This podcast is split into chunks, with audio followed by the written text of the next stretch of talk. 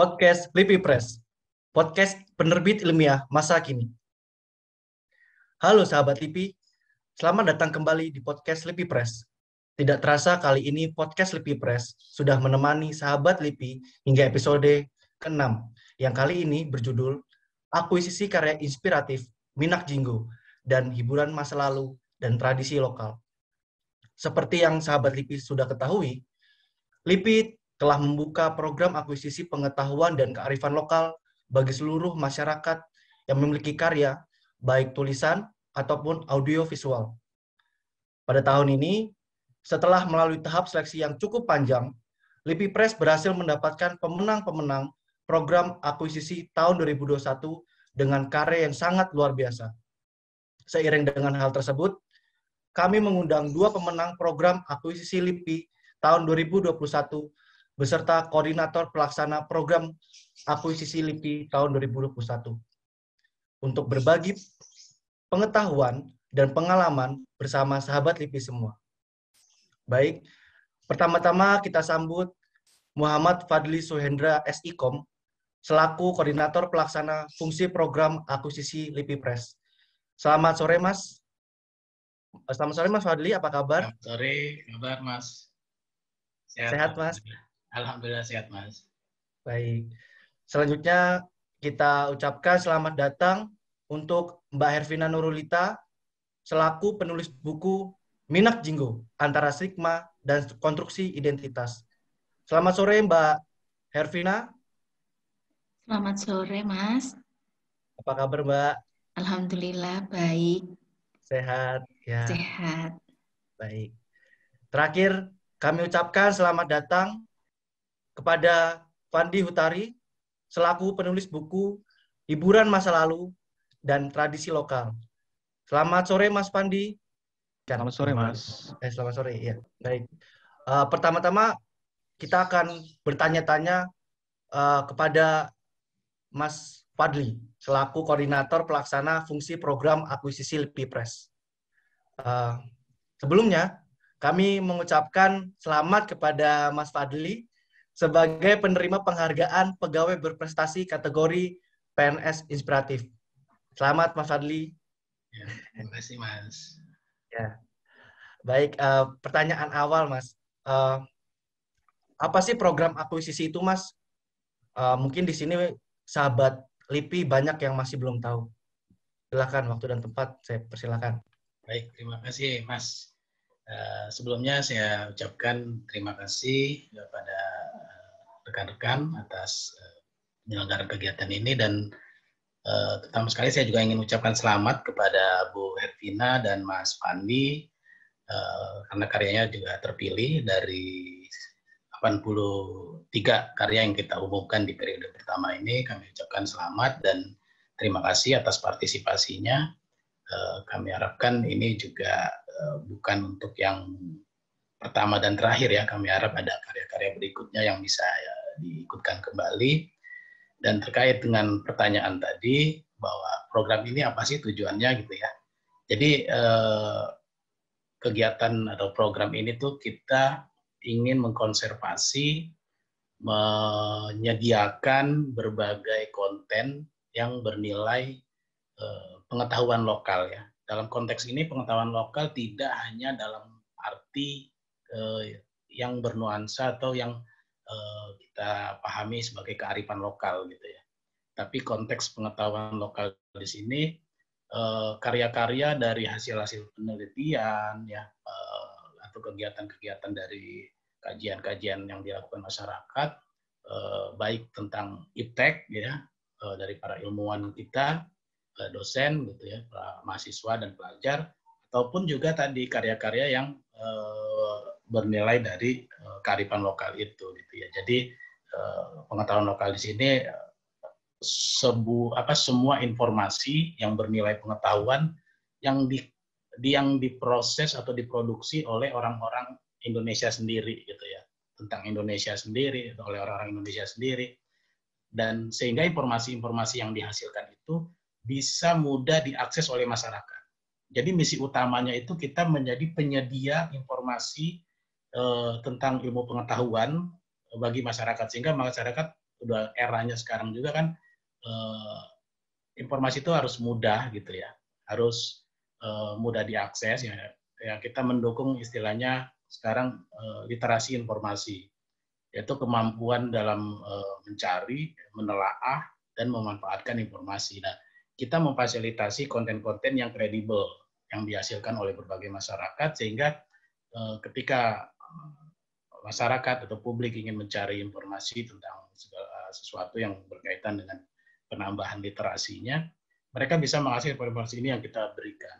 Ini betul-betul kita open access, kita buka gitu ya, di bawah lisensi uh, Creative Commons. Jadi tetap dilindungi hak-hak uh, intelektual dari para uh, penulisnya maupun kreator yang video itu tetap kita lindungi. Jadi dengan dicatatkan atau direkam uh, dalam digital itu, ketika dia mengklaim karya kita juga ya kita sudah lebih dulu di ada jejaknya lah gitu ya. Jadi orang tidak bisa mengklaim juga tapi keuntungan yang kita ingin berikan itu ke publik. Jadi ini betul-betul kita mengedepankan kepentingan publik terhadap ketersediaan konten-konten yang bernilai eh, pengetahuan lokal. Jadi masyarakat nggak perlu eh, bersusah payah lagi untuk eh, mereka mengeluarkan eh, apa ya sumber daya mereka untuk memperoleh sebuah informasi.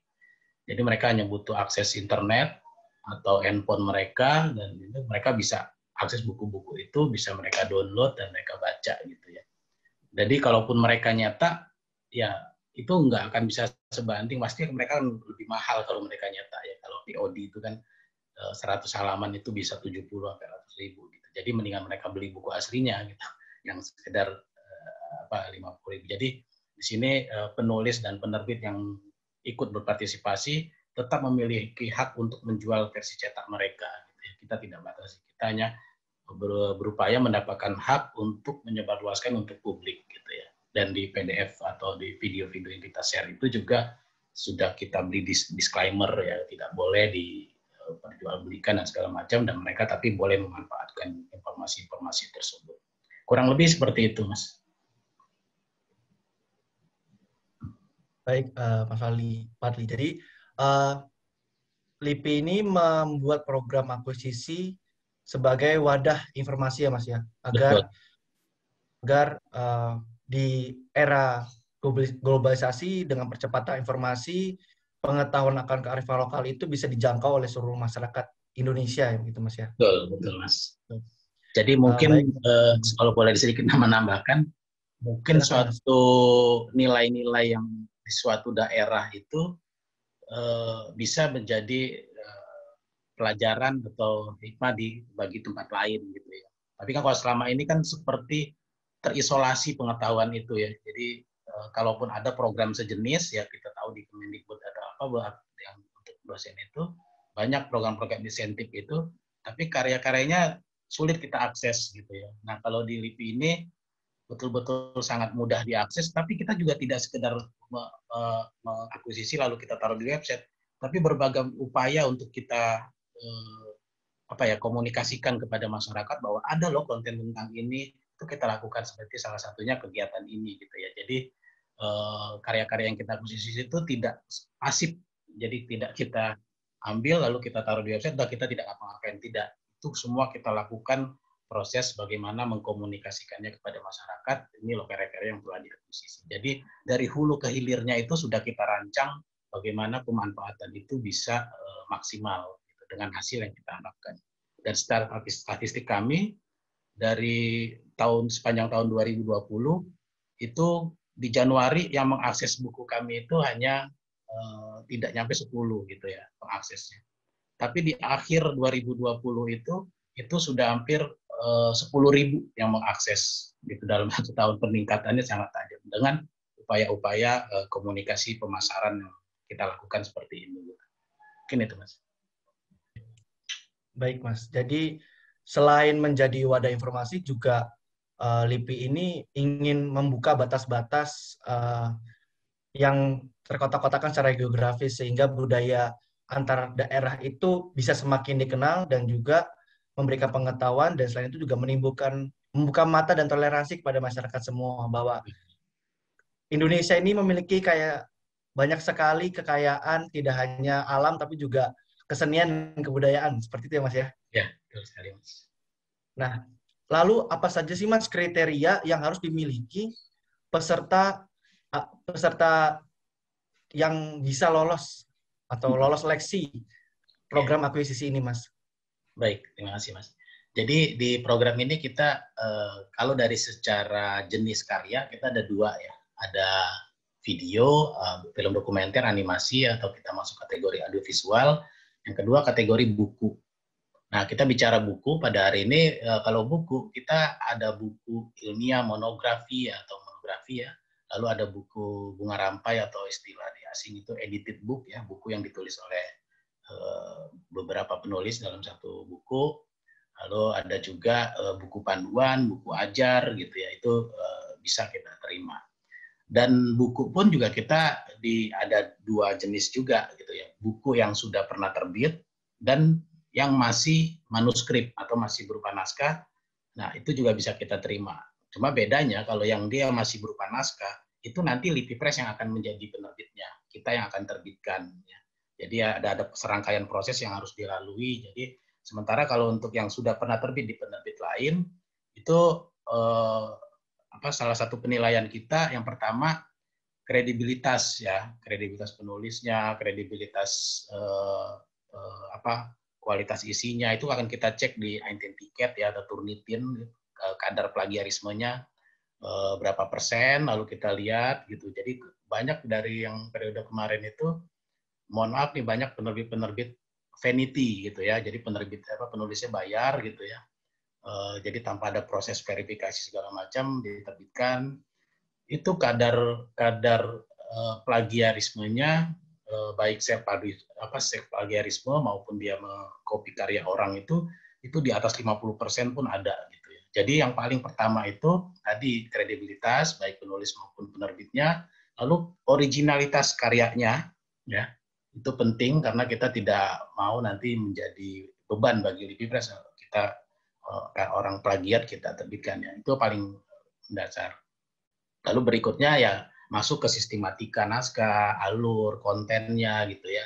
Uh, apakah dia memenuhi uh, 5W1H ya tentang apa bicara apa siapa itu jelas di buku itu dibahasnya gitu.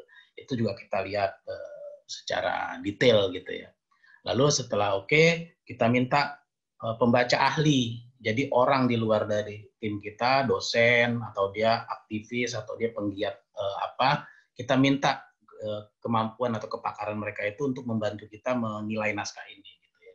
Jadi kalau ketika dari sisi stam, apa sistematika, secara kelengkapan, administrasi dan segala tadi persyaratan sudah dipenuhi, kita minta uh, orang lain ya yang di luar kita untuk bantu uh, kita memutuskan apakah ini bagus atau tidak. Jadi misalkan eh, buku tentang kebudayaan, ya kita cari dosen-dosen atau pakar peneliti di bidang itu atau penggiat eh, apa organisasi kemasyarakatan yang berkecimpung di situ, kita minta dia untuk membantu membaca, memberikan penilaian. Dan rekomendasi mereka lah yang menjadi pertimbangan kita sama tadi penilaian kita di awal itu yang eh, menjadi dasar-dasar kita memutuskan apakah karya ini diterima atau tidak. Mungkin itu, Mas. Baik, Mas.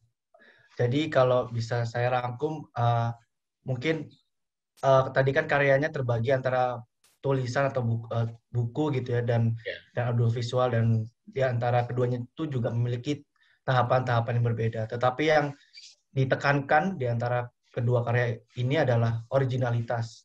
Sehingga uh, apa teman-teman sahabat LIPI semua bisa bisa menikmati bacaan yang memang berkualitas dari dari Lipres seperti itu ya Mas ya. Betul sekali. Ya. Baik, terima kasih uh, Mas Fadli atas jawaban-jawaban yang sangat menginspirasi kita semua dan semoga sahabat LIPI bisa antu, semakin antusias untuk mengikuti program akuisisi LIPI Press berikutnya. Nah, dan selanjutnya kita akan beralih kepada uh, Hervina Nurulita penulis buku Minak Jinggo, antara stigma dan konstruksi identitas, dan Fandi Hutari, penulis buku Hiburan Masa Lalu dan Tradisi Lokal. Sebelumnya kami ingin mengucapkan selamat atas terpilihnya Mbak Ervina dan Mas Fandi sebagai pemenang akuisisi LIPI Press LIPI tahun 2021 ini. Semoga prestasi ini dapat menginspirasi sahabat LIPI semua. Nah, untuk pertanyaan pertama, uh, untuk Mbak Ervina dan Mas Fandi, kenapa atau mengapa mengikuti program akuisisi yang diadakan oleh LIPI? Mungkin pertanyaan pertama bisa dijawab oleh Mbak Ervina terlebih dahulu, lalu dilanjutkan oleh Mas Fandi. Silahkan Mbak Ervina. Uh, Oke, okay. uh, saya alasan untuk mengikuti program akuisisi LIPI ini uh, adalah karena saya merasa bahwa tulisan saya ini bertema lokal sehingga itu sesuai dengan syarat-syarat yang ditentukan oleh LIPI, gitu Mas. Baik, berarti Mbak merasa bahwa karyanya itu sesuai dengan kriteria yang program akuisisi ini adakan seperti itu Mbak ya? Iya. Baik. Kalau dari Mas Fandi, seperti apa Mas? Kenapa Mas Fandi ingin mengikuti program akuisisi ini Mas? Oke, makasih Mas.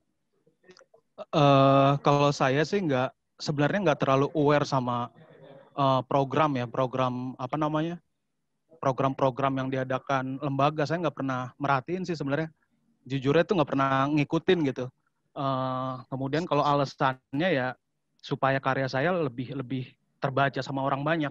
Jadi sejauh ini orang-orang kayak kayak nyari-nyari sumber-sumber atau literasi soal uh, tradisi lokal terutama di Jawa Barat yang sangat lokal dan bahkan kecil sekali gitu ya uh, jarang orang tahu kayak gotong domba atau cikeruhan gitu. Atau tentang sejarah teater yang mungkin jarang ya di Indonesia untuk menulis tentang sejarah teater.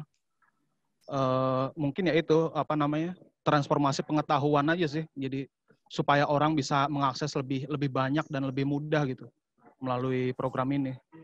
Kayak gitu, Mas. Baik, Mas.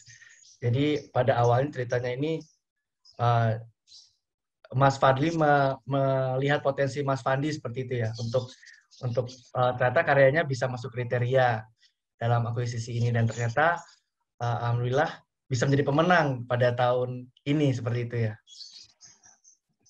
Baik, uh, untuk selanjutnya pertanyaan selanjutnya ini mengenai latar belakang atau alasan yang mendorong uh, Mbak Ervina dan Mas Fandi ini dalam menciptakan karyanya. Nah, untuk Mbak Ervina, kalau boleh kami tahu, kenapa Mbak tertarik untuk meneliti sejarah tari yang sudah hampir punah, khususnya di Jawa Timur ini, Mbak? Apa yang melatar belakangi uh, atau alasan apa yang membuat Mbak untuk meneliti hal tersebut? Oh, oke. Kalau saya sih karena background saya adalah sejarah ya.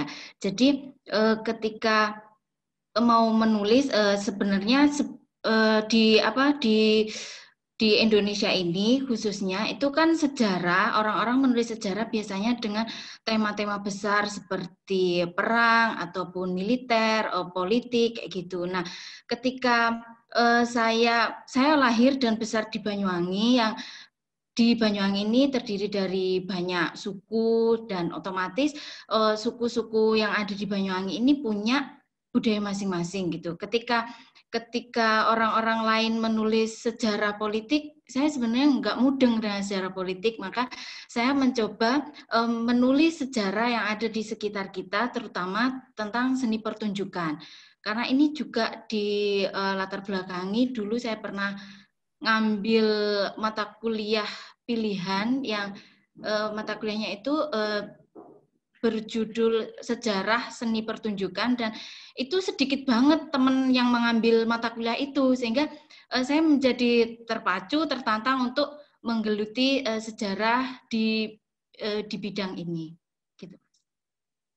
Oh baik Mbak, berarti awalnya mungkin karena ketidak ketiadaan sumber gitu ya, sumber yang uh, tulisan yang bahwasanya ini tuh awalnya sastra lisan sehingga diubah diubah menjadi tulisan seperti itu Mbak ya. Nah, iya. Sehingga masyarakat semakin tahu. Baik, uh, pertanyaan selanjutnya ini ke Mas Fandi. Untuk Mas Fandi, uh, kenapa sih Mas Mas Fandi ini tertarik atau ap, hal apa yang melatar belakangi uh, untuk meneliti tentang seni tradisi hiburan yang ada di masa lalu, terutama di Jawa Barat yang sebenarnya jarang sekali diketahui, diketahui oleh masyarakat saat ini. Silakan Mas. Oke, okay. uh, sebenarnya nggak aku nggak ini ya nggak nggak fokus ke seni tradisi atau seni hiburan yang sifatnya tradisional tapi aku mulai dari sejarah teater waktu zaman Jepang jadi uh, apa namanya dasar pengetahuan sejarah teater itu aku kembangkan ke dalam tulisan uh, atau esai-esai yang aku kirim ke ke koran-koran gitu ya atau ke majalah-majalah. Nah salah satunya itu seni tradisi. Jadi dulu tuh aku tinggal di Jatinangor di Kabupaten Sumedang itu di Unpad. Uh, terus aku banyak uh, bergaul sama orang-orang atau teman-teman yang berlatar belakang Sunda gitu ya. Terus aku ketemu budayawan namanya Pak Supriyatna almarhum udah meninggal. Dia pemimpin Sanggar Motekar Nah, dia itu punya punya apa namanya? kegelisahan tersendiri terhadap seni tradisi di lingkungannya. Jadi kayak Cikruhan, kata dia kenapa sekarang nggak ada nggak ada seniman yang bisa memainkan alat musik untuk mendukung uh, tari Cikruhan gitu. Itu sebuah tari pergaulan untuk uh, apa namanya? hajatan gitu di di sekitar Kabupaten Sumedang.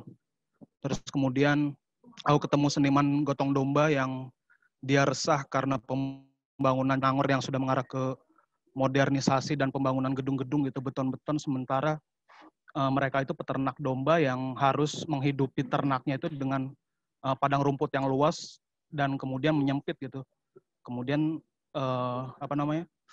Mereka menciptakan kesenian tradisional gotong domba itu uh, untuk melestarikan atau mengingatkan kepada orang-orang bahwa uh, latar belakang mereka itu adalah peternak domba gitu. Nah dari dari dari situ sih saya melihat uh, apa namanya keresahan-keresahan warga atau keresahan budayawan lokal itu yang kemudian saya angkat jadi sebuah esai dan saya kirimkan ke beberapa media uh, dan saya kumpulkan kemudian menjadi buku. Jadi karya ini muncul karena Dengeran nggak tadi? Adanya keresahan ya mas ya. Adanya keresahan yang yang yang dialami oleh masyarakat setempat dan Mas Fandi ini mewadahi dengan uh, menciptakan buku agak, sehingga agak. bisa didengarkan. Tanpa terasa sahabat LIPI bahwa kita sudah memasuki pertanyaan yang terakhir. Sebelumnya Mas Fandi dan Mbak Hervina, kira-kira adakah pesan dan kesan yang dapat diberikan bagi sahabat LIPI sekalian uh, bila ingin menuangkan kreativitasnya pada program akuisisi atau teman-teman yang ingin menuangkan kreativitasnya dalam bidang karya ilmiah. Silahkan uh, mungkin dari Mas Fandi dulu. Kalau mau menulis sesuatu ya tulis aja dan hasilkan karya yang bagus gitu. Kalau kalau karya bagus dan apa namanya unik, uh, pasti orang melihat, orang-orang akan apa? akan peduli sama karyanya dan suatu saat pasti ada yang menghubungi atau ada yang mengkontak gitu itu kan eh, nggak uh, bisa diprediksi kayak kayak gitu. Uh, terus jangan mikirin duit sih kalau saya saya dari dulu walaupun awal-awal ini ya terhadap royalti kayak gitu-gitu tapi akhirnya ke sini-sini saya nggak mikirin itu sebagai sesuatu yang penting atau itu saya anggap bonus gitu yang saya utamakan ya saya uh, mau mencurahkan apa yang saya pikirkan atau keresahan saya atau sedikit pengetahuan saya untuk orang lain gitu. Itu lebih berguna buat buat buat orang lain ketimbang kita hanya memikirkan diri sendiri uh, terutama uang gitu. Kayak gitu sih mas. Baik mas. Teman uh, jadi mas Fandi ini menekankan kepada teman-teman itu karyanya itu dibuat dengan semaksimal mungkin dengan membawa keresahan, khususnya keresahan di daerahnya masing-masing, sehingga agar tercipta suatu karya tulis atau audiovisual yang bermanfaat bagi semua orang. Seperti itu, Mas ya? Iya, Mas. Oh, iya. Baik. Untuk kalau dari Mbak Hervina sendiri, adakah pesan dan kesan yang dapat diberikan bagi sahabat LIPI sekalian? Silakan, Mbak. Kalau pesan dari saya, teruslah berkarya, apa pun background ilmunya ya, entah itu uh, anak dari sosial ataupun dari sains. Nah, ketika kamu nanti berkarya, uh, itu ya uh, karya-karyamu akan diakui oleh siapa pun dan itu nggak nggak ngerti apakah ini karya yang baik atau baik sekali nanti pasti akan menemukan jalan siapa akan menemukan pembacanya sendiri seperti itu. Baik.